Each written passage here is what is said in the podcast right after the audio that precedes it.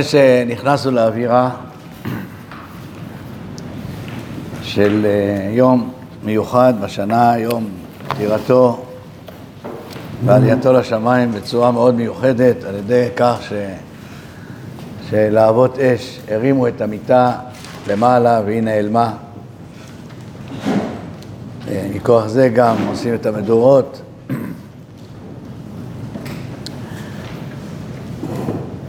ואפשר לומר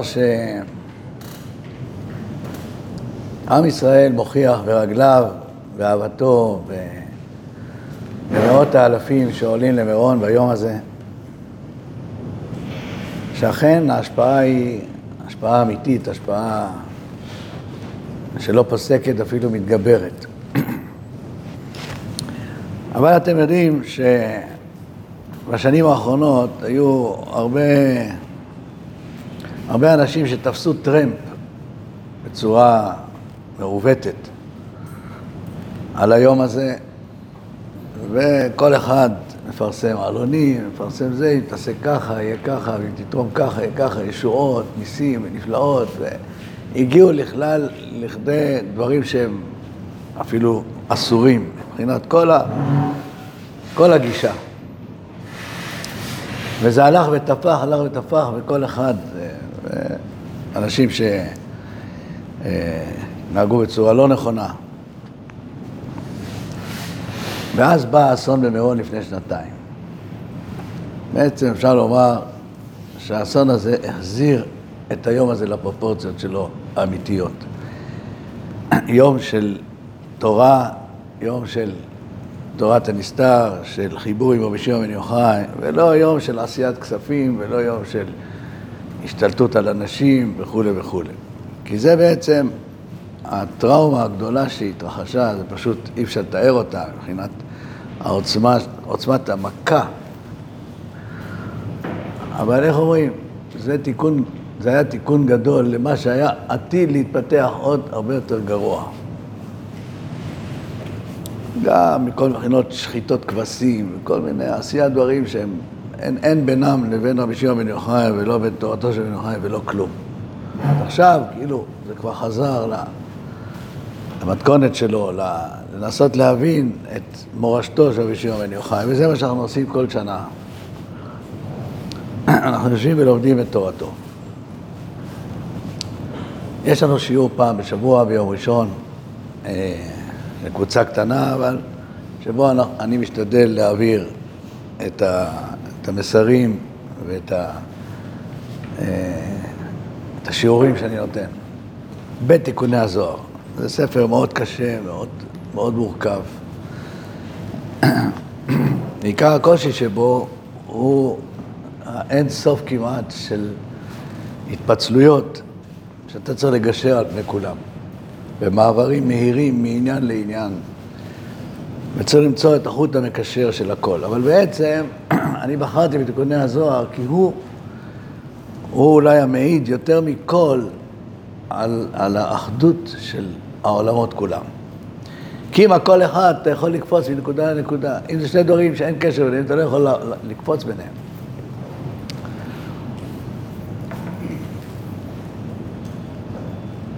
אז אני תמיד נותן כדוגמה את תיקון מספר 4, שהוא פותח בבראשית, שזה פתיחת שערי העולם. עובר משם אל פיתחו לי שערי צדק, תהילים. עובר משם אל פתיחת העיניים, זה פתיחת שערים. עובר משם אל פתיחת שערים אל עם ישראל דרך האבות. כלומר, אתם רואים כאן הסתכלות על בראשית, שזה פתיחת התורה, ואז כל דבר שנפתח, הוא נפתח, וזה תוך שלוש, ארבע שורות, אתה פתאום עובר מפתיחה זה לפתיחה זה, אבל המכנה המשותף של כולם, שאתה פותח שערים.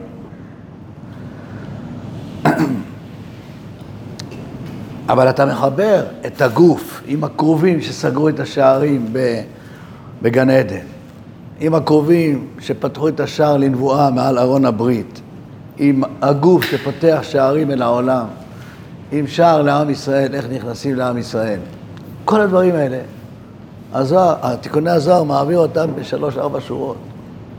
ואתה צריך לעקוב ולתפוס ראש וגם להבין את, ה, את המכנה המשותף של הכל. אבל זה יוצר לך אחדות.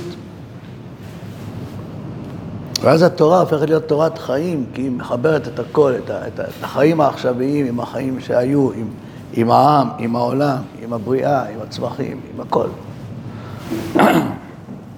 זה תיקוני הזוהר. אני כל פעם צריך לבחור קטע על מנת, אה, שוב, לחוש את, הדינמיקה של המעברים, וגם את הדברים החדשים שמתגלים. עכשיו, אני אמרתי הרבה פעמים, שאם אני מפרש משהו, נניח אני מפרש את פסוקי התורה, או אני מפרש את פסוקי התהילים, או פסוקי משלי, או אני מפרש את הקטעים בזוהר, אני חייב לשאול את עצמי, אחרי שאני מפרש, מה הזוהר לימד אותי? כי אם אני מפרש אותו, אז הפירוש שלי הופך להיות אני, אז בשביל מה אני צריך את הזוהר? אז כל פירוש שאני לא מבטיח לעצמי שאם לא היה הזוהר, לא הייתי מפרש, אני לא יכול לפרש אותו. כי אני לומד מהזוהר ולא הזוהר לומד ממני. זה, זו נקודה מאוד מאוד חשובה, מאוד משמעותית. אז אחרי שאני מפרש, אני עושה עוד עבודה לראות האם הייתי יכול להגיע למקום הזה באופן עצמאי, או שאין לי ברירה, אלא... ואז אני מבין מה הזוהר עשה, ומה, לאן, לאן הוא מוביל אותי. כלומר, אני חייב להבין שאני מתקדם דרך ספר הזוהר. ואז ספר הזוהר הופך להיות המקור. אני אומר את זה מפני שיש הרבה מאוד אנשים שכותבים דברי תורה בכל מיני תחומים, ולא תמיד אדם שהוא, כן, יש דוקטורים, פרופסורים, אנשים שעסקו בנושאים אחרים, וכיוון שהם גם כאילו מבינים בתורה, זה גם עושים פירוש, אבל ההבדל הוא שהם לוקחים את התרבות שהם גדלו עליה, הם לוקחים את הדברים שהם חושבים שהם נכונים, והם מלבישים את זה על פסוקי התורה, אז, אז הם מביאים את התורה כהוכחה למה שהם אומרים. הם לא לומדים מהתורה, אלא הם מציגים את התורה כמאשרת את מה שהם חושבים. נגד זה בדיוק אני יוצא. אסור להיות במקום הזה. זה נקרא, עושה את דברי תורה קרדום לחפור בה. כלומר, אתה בעצם נעזר בדברי תורה כדי להוביל את האג'נדה שלך. אז התורה היא לא, במקום להיות מקור, היא הופכת להיות כלי, שירות. זה אסור שזה יהיה. ואם אתה לא מבין, אז תגיד שאתה לא מבין. אם יש מקום שאתה לא מבין, אז אל, אל תנסה לעקם את דברי הזוהר רק כדי שתגיד, כן, אתה מבין. לא, אתה לא מבין, לא מבין. אם צריך לשבת על זה חודשים, תשב חודשים. ובאמת יש קטעים שאני, לפעמים אין לי הבנה, אין לי, אין לי הסבר, לפעמים אני יושב על זה כמה חודשים עד שפתאום מאיר, מאיר ההסבר. אז נתחיל, שחילקתי לכם פה דף מתיקון 13, 13. ויש שם קטעים שהם מסומנים בצבע צהוב, שעליהם אני רוצה לדבר. אז כאן, אה, כמו שספר תהילים, בעשרה מאמרות של שבח הוא נאמר, ניצוח, משכיל, וניגון, הגמרא מסרת פסחים בסופה. גם כאן, הזוהר רוצה לומר לנו, והוא יגיד לנו, וזה כל התיקון הזה, בעשרה מאמרות של שבח פותחת התורה את שעריה. והכל בתוך מילה אחת שהיא בראשית. הנה כאן יש לנו שניים, או אשרה, או בשיר.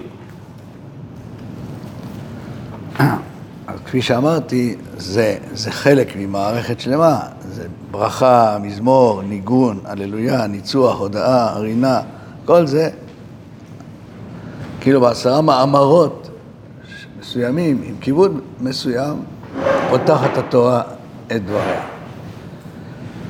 זה לא כל התיקון, תיקון ארוך מאוד, זה קטע קטן. אני חוזר עוד פעם על, על ההסבר של המילה תיקוני הזוהר, זה סדרי הזוהר. תיקון פירושו סידור מתוקן וערוך. אז כמו שישה סדרי משנה, יש לנו שבעים סדרי בראשית. כיוונים,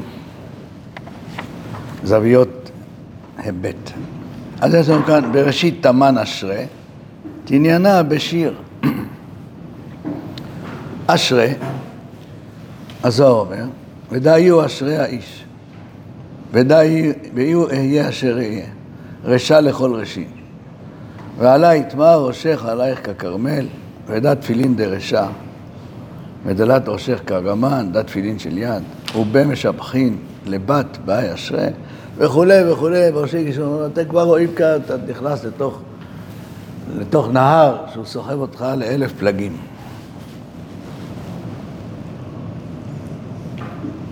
אני אומר, אם אתה לא תתקדם בצורה נכונה, אז זה כמו אדם שנסחב בזרם, הוא מקבל מכות מפה ומפה, והוא לא יודע לאן, לאן הוא מגיע. אז מה זה אשרה? בפשט אשרה זה מאושר. באושרי כי אישרו לבנות, כלומר, הם מאשרים שאני ראויה וכו'.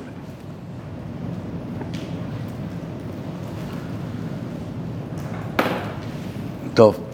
מה זה קשור לבראשית? מה זה קשור לפתיחת התורה? ואז הזוהר אומר, אשרי האיש אשר לא יכול לעשות רשעים, מאושר הוא האיש שהולך בדרך הזו. כאילו התורה פותחת את שעריה ואומרת, זו הדרך המאושרת. ואז הזוהר אומר, רשע לכל ראשי. רשע לכל ראשי זה ספירת הכתר, הנקודה הכי גבוהה.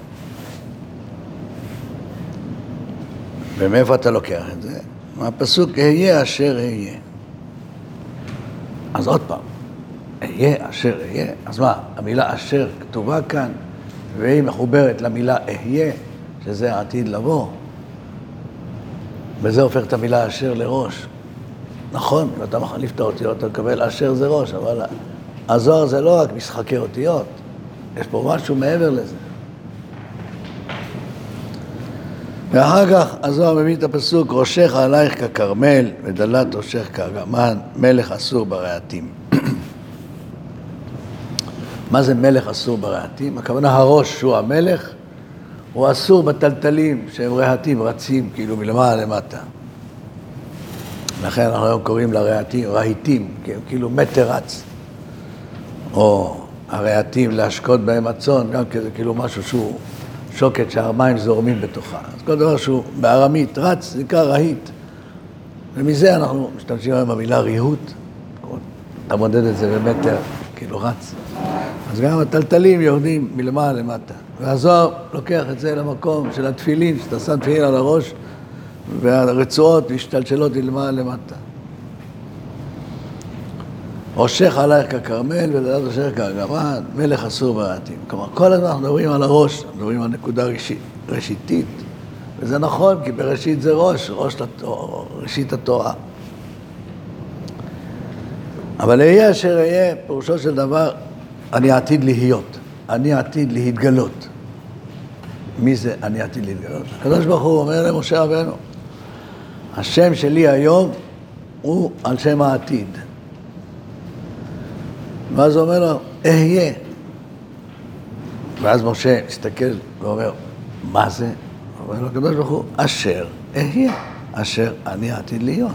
כלומר, אני עכשיו בנקודה ראשונית, הנקודה הראשונית הזאת היא תוביל להתגלות. של מה? של אני השם אלוהיכם.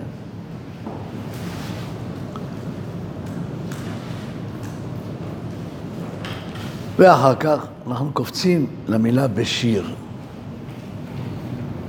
כלומר, בעצם התורה היא שירה. כתבו לכם את השירה הזאת, ולמדה את בני ישראל, סיימה בפיהם. השיר והניגון, שהם, התורה צומחת מתוכם. אומר לנו הזוהר, אתה נכנס לתוך עולם של שירה, אתה נכנס לתוך עולם של התרוממות הנפש. זו, זאת התורה שאתה הולך עליה. אוקיי, עכשיו נעבור לקטעים הבאים. וסל כהה באת ו' ולבטר סליג ו' בי' שיט זמנין עשר עד דסליק לשיטין. עכשיו, ישנם מספרים שאנחנו לא רגילים עליהם. שמענו עליהם, אבל לא רגילים עליהם. עכשיו, כל מספר צריך להיות לו מקור בשם הוויה. כי בעצם הזוהר מוביל אותנו לנקודה הזאת שאומרת שכל הבריאה כולה היא כלולה בארבע אותיות י' כ' ו' כ', בכל מיני דרכים. אז איך הגענו למספר 60? בעליית האות ו' לאות י'.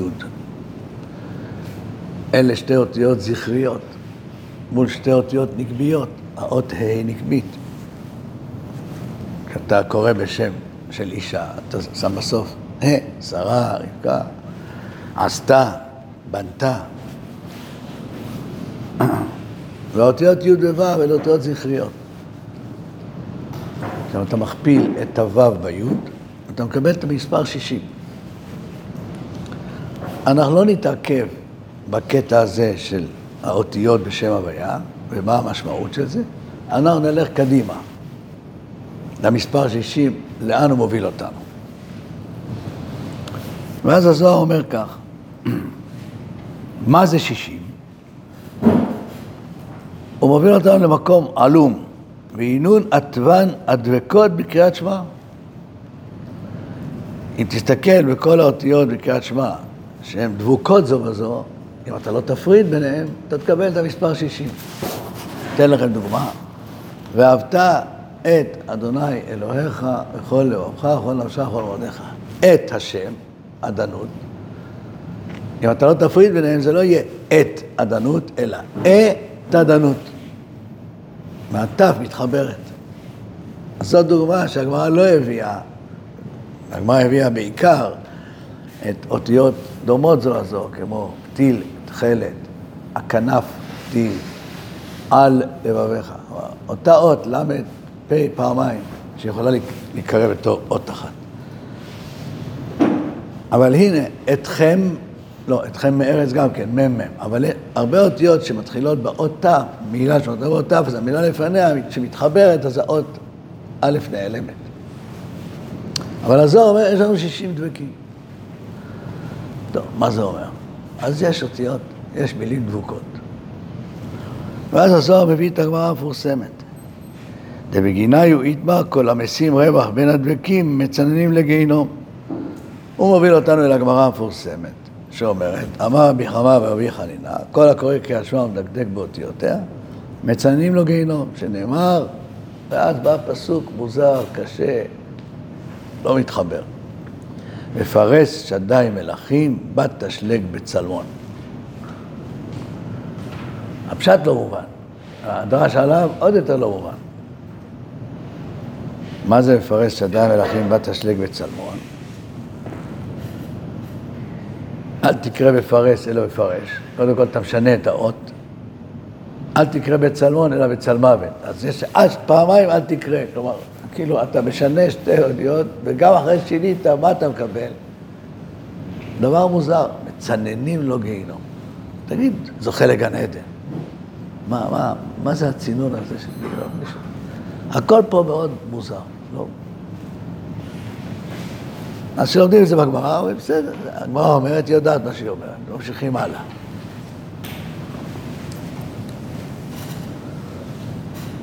אז אדם יושב ואומר, עשב בשדך, מה אתה עושה? שיהיה לי קר, שיצננו לי את האש. מוזר. ממשיך הזוהר ואומר, ושלמה עליו אמר, הנה מיתתו של שלמה שישים גיבורים סביב לה, והנה נטרין ארסה. מה זה? התם הדבקים שבקריאת שמע, שמציינים לו גיהינום, ועל זה אמר שלמה, הנה מיתתו שישים גיבורים סביב לה. מה הקשר לגיבורים, לדבקים, לקריאת שמע? וכנגדם שישים הם המלאכות ושמונים פילגשים, אז אלו שישים המלאכות, מה, גיבורים, מלאכות. אילן דחורין ואילן נוקבין. אילן דקריאת שמע דתקין משה דחורין, ואילן דשלמה נוקבין. מה זה? לא יודעים. ואילן בית קיבול לאלה. דרגין דשלמה, אינון בית קיבול לדרגין דמשה. וכשמחברים את הכל כאחד, שלמה מתהפך למשה. טוב, מה? אתם רואים שיש פה כתב חידה. לא יודעים איפה זה מתחיל, איפה זה נגמר. זה תיקוני הזוהר. זה תיקוני הזוהר. אז מי שרוצה להבין מה יש בספר ענק כזה, זה מה שיש. והכל ככה. אבל דברים אחרים. שונה לגמרי מספר הזוהר. הרב לא מתייעץ. אין לי ברירה. כשאני מתחיל משהו אני צריך לגמור.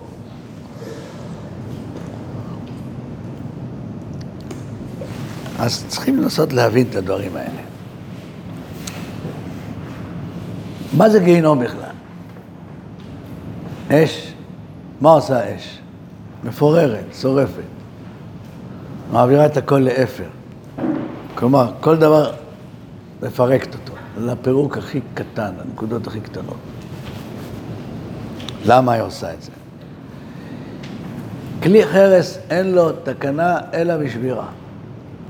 כלומר, כל הטומאה שלו נובעת מזה שהוא כלי. ברגע ששברת אותו, הוא פסק מלהיות כלי, אז הטומאה פרחה ממנו. ואם אתה יכול להשתמש בחלקים ממנו ככלים, אז אתה צריך גם לפרק אותם. ואם יש לך כלי מתכת, אתה לפרק אותו עד איפה?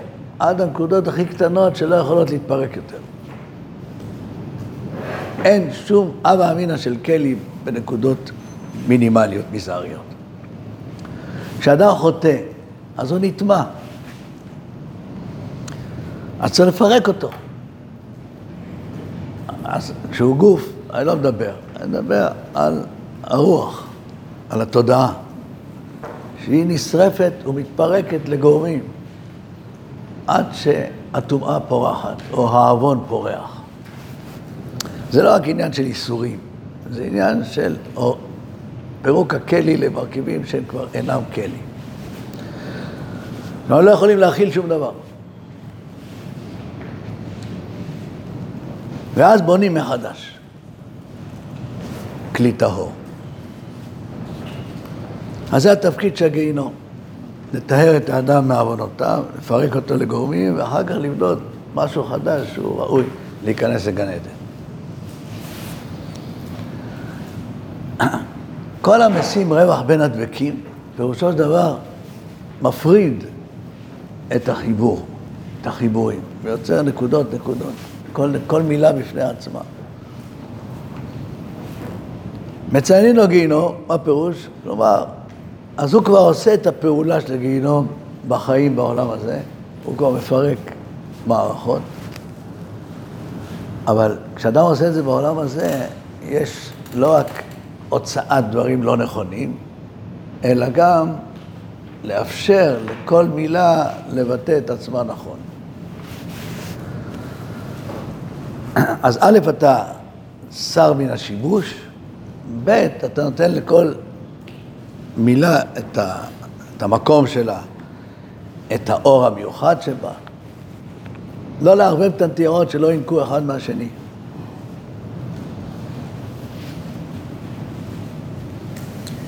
אז כל קריאת שמע שהיא קבלת עול מלכות שמיים, על כל עבר ועבר, שזה 248 איברים כנגד המילים של קריאת שמע. אז כשאתה מפריד את המילים, אתה גם כן מפריד את האיברים אחד מהשני, כלומר מאפשר לכל עבר לקבל עול מלכות שמיים על פי המסלול שלו, מבלי לנהוג מהעבר השני. לכל עבר יש לו תפקיד, אז כל תפקיד ממלא אותו בתור עול מלכות שמיים.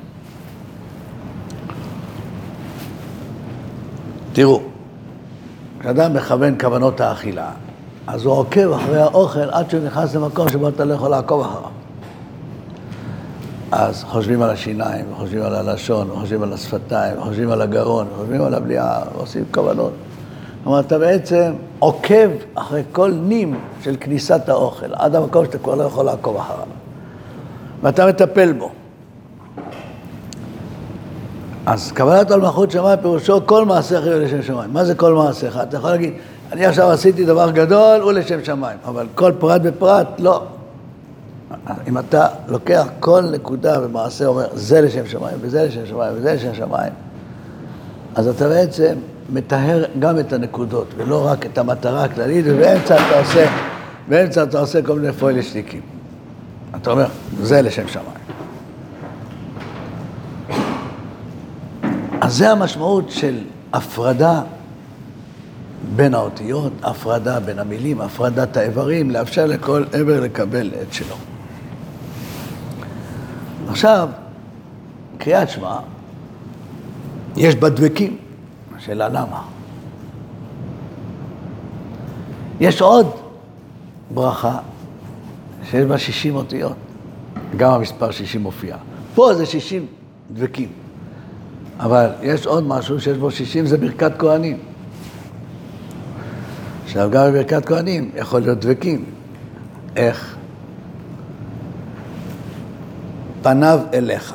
אתה יכול להגיד פנה ולך. הוו מתחברת לאלף, לא פניו אליך. אבל איזה רווח יש לנו בברכת כהנים שאנחנו נמלטים מהחיבור הזה? זו העובדה שאתה צריך לחזור אחרי השליח ציבור, אחרי המקרה. הוא אומר מילה ואתה אומר מילה. אני כמה פעמים שאלתי את עצמי, מה, מה, אנחנו לא יודעים לקרוא, לא יודעים בעל פה, להגיד שלושה פסוקים. צריך שהמקרה יגיד יברכך, יברכך, השם, השם. אמור להם, למה? התשובה היא, כי ככה אתה מפריד בין הדבקים, אתה נותן לכל מילה את המקום שלה. כי אתה צריך להגיד מילה אחת ולא ישר את המילה השנייה מחוברת אליה, עד שהשליח ציבור אומר, ואתה אומר עכשיו כל מילה מקבלת את האור העצמי שלה. אז שם אתה מבין שאין דבקים. אבל קריאת שמע, אתה לא חוזר אחרי שליח ציבור, אתה עובר אותה, כל אחד עובר לעצמו, אז יש דבקים. עכשיו, למה פה יש דבקים באופן טבעי ופה לא? כאן אני צריך את הרב נחמני, זכר צדיק לברכה. מה הוא אמר? אמר דבר מופלא. הוא אומר, אנחנו לומדים ויודעים על אדם הראשון בחווה, לא נקרא לה, איך? אישה. עזר כנגדו. לזאת תיקרא אישה. מה הייתה לפני שלזאת תיקרא אישה? היא הייתה חלק ממנו. דו פרצופים, דבוקים בגבם. כמו שיש הרבה היום צמחים דו-מיניים. אותו דבר.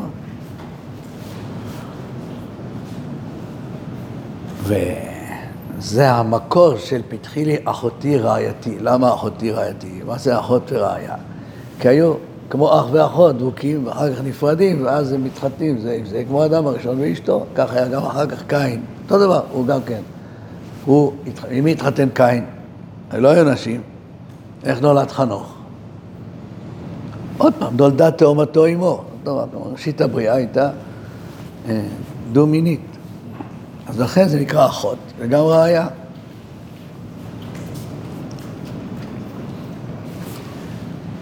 כאשר התרבה העולם, נאסר לשאת את אחותו, כי עכשיו אתה לא באותו מצב. בדיוק כמו שהיה בהתחלה מצבה אחת, אחר כך נהיה מזבח 12 אבנים. אתה לא יכול לחזור למצבה, לא תקריא לך מצבה. גם כל איש אשר ייקח את אחותו, בת אבת אמו, חסד הוא. אני עשיתי חסד עם העולם כדי שאדם יוכל לקחת אחותו, עכשיו זה לא חסד, זה גורם נזק.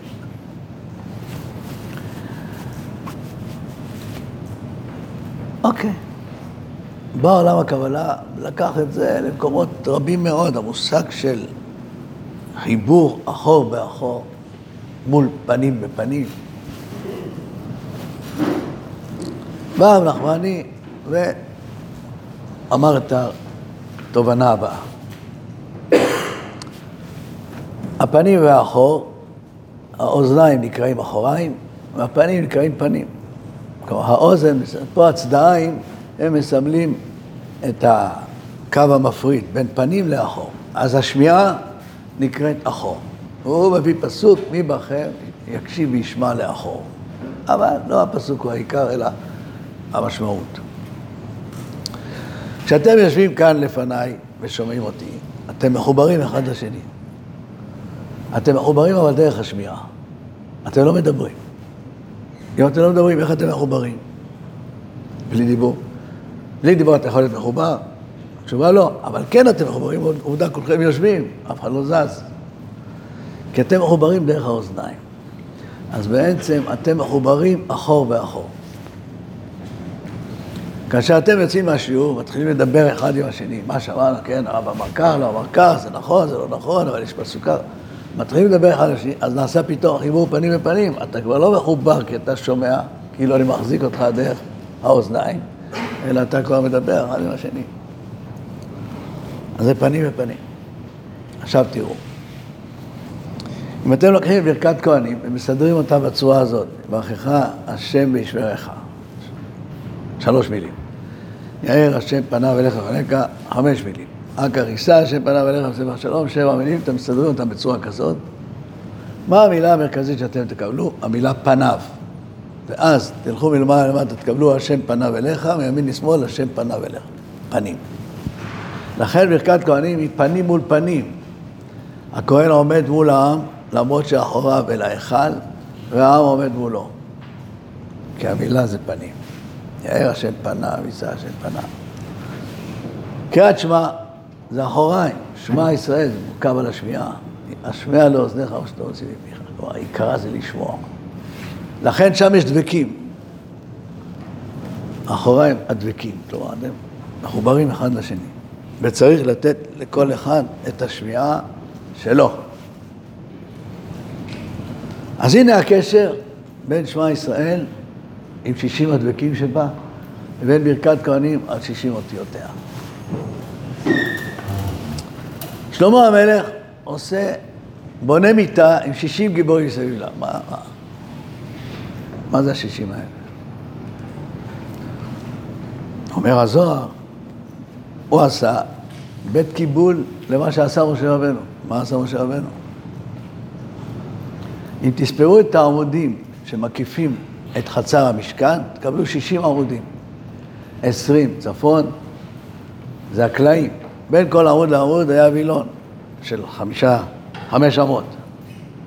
חמש אמות, חמש אמות, חמש אמות, חמש אמות, ככה מקיף את כל המשכן. צד צפון 20 עמודים, זה מאה אמה, חמש, בין כל אחד ואחד. צד דרום 20 עמודים, מאה אמה, ובאמצע 50, כי המשכן היה מעל 50, בצדיים. 50 אמה, כל חמש אמות עמוד, אז זה עשרה עמודים. התורה אומרת, זה המשכן, היה אמרת, אז יש כמה עמודי המשכן, אז יש לנו 20 ו-20 ו-10, כמה זה ביחד? 50.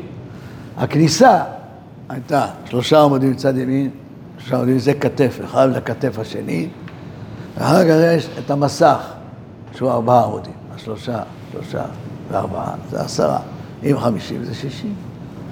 השישים העמודים הקיפו את המשכן. כנגדם עשה שלמה שישים גיבורים סביב מיטתו. כאילו יש פה, המלך מסמל את עם ישראל.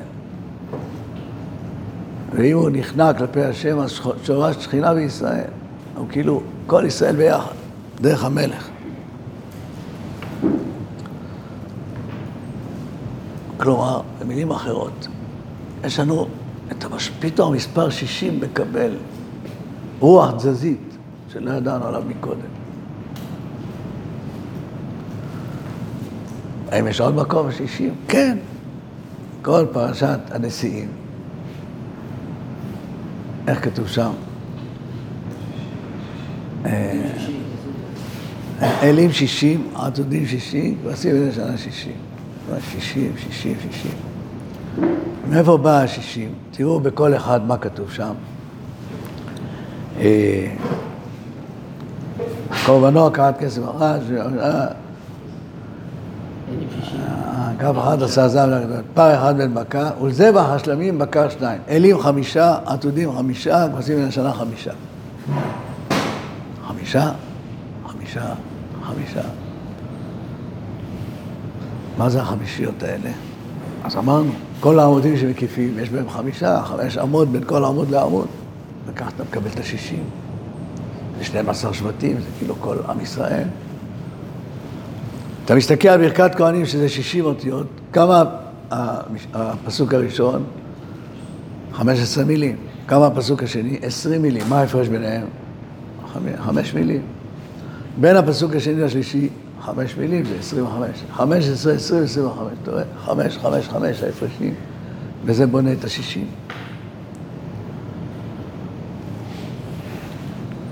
ואמרנו שברכת כהנים בנויה כמו, כמו, כמו המנורה. גם מנורת שבעת הקנים, שלושה, חמישה ושבעה. וזה יוצר עוד פעם כמו ברכת כהנים. עכשיו, איך הם מסודרים בתורה?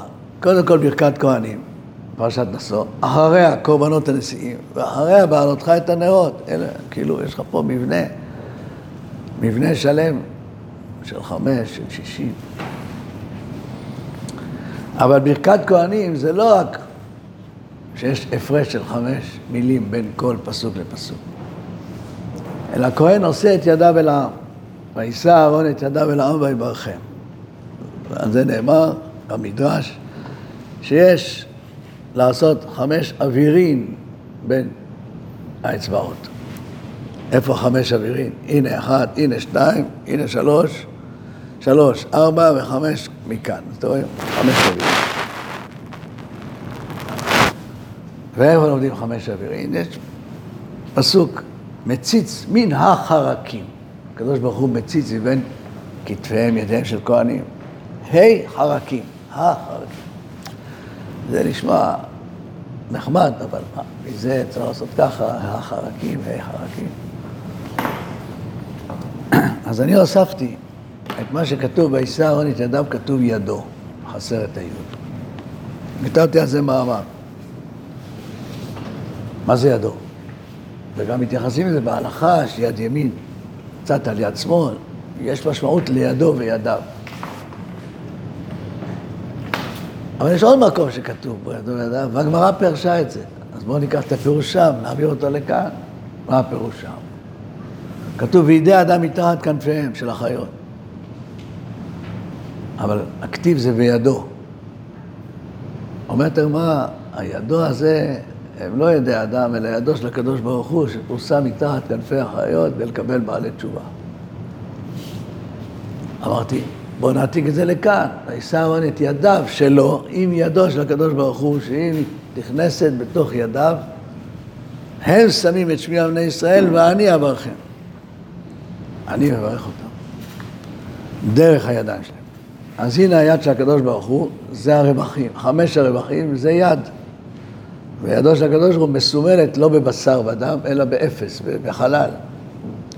אז זה כאילו, כשאני עושה את הפעולה הזאת, אני מרכיב שלושה ידיים. אז זה שלוש חמישיות. אלים חמישה, עתודים חמישה, כבשים ולשנה חמישה. אבל לפני זה, מה כתוב? אלים שניים. איך, איך, איך זה מתחיל? וזהו השלמים, בקר שניים, אלים חמישה. הבקר שניים זה שני ידיים. אלים חמישה, עתודים חמישה זה חמש ידיים. כל זה בקורבן הנשיאים, לפני זה מעשה ברכת כהנים. והכל הולך על החמישיות והשישים. מתחבר עם מיטתו של שלמה, מתחבר עם עמודי המשכן. דברים מופלאים. ומתחבר עם שישים הדבקים בקריאת שמע, שאנחנו צריכים להפריד ביניהם, כלומר, להפוך את האחוריים לפנים.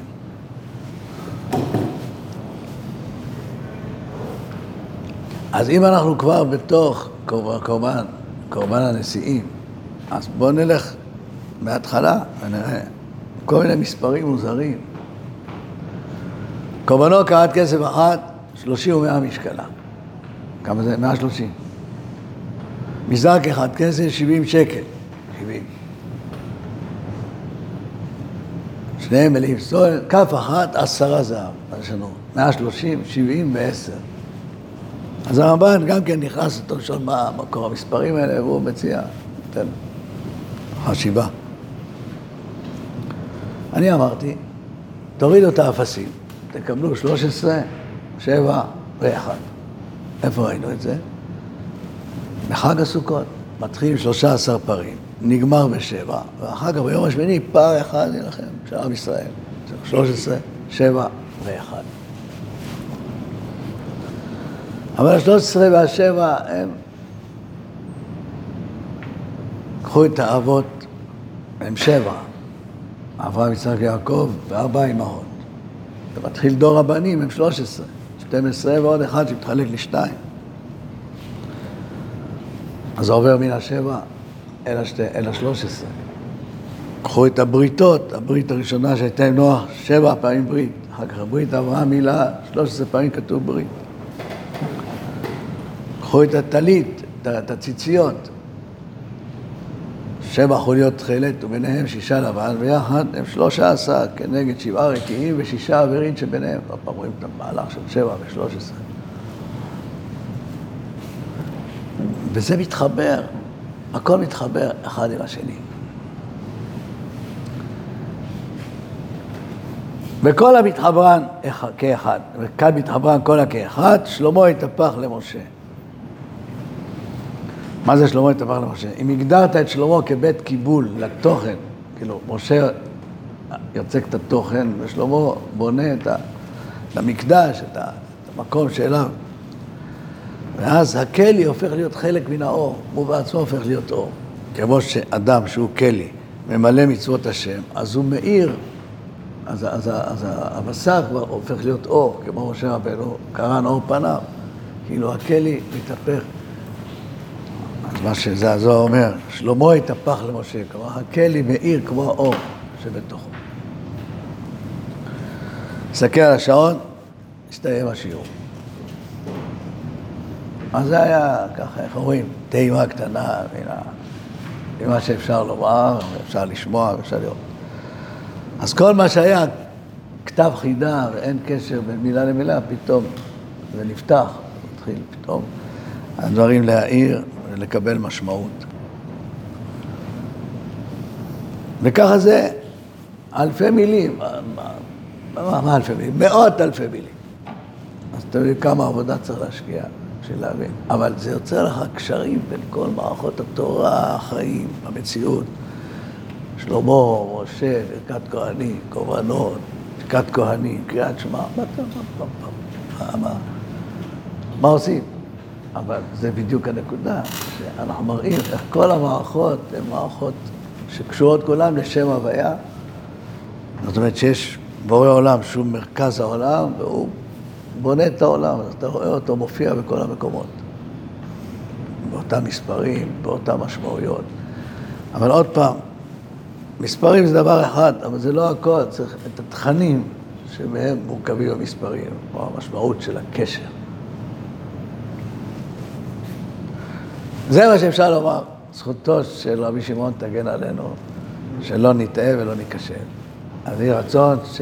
תהיו מבורכים, בזכותו של רבי שמעון יוחאי, כל מי שצריך פרנסה, יהיה לו פרנסה, כל מי שצריך זיווג, יהיה לו זיווג, כל מי שצריך ילדים, יהיה לו ילדים. מן השמיים עלו משעותיכם לתורה וברכה. בר יוחאי נמשכת Hare Hare Hare Hare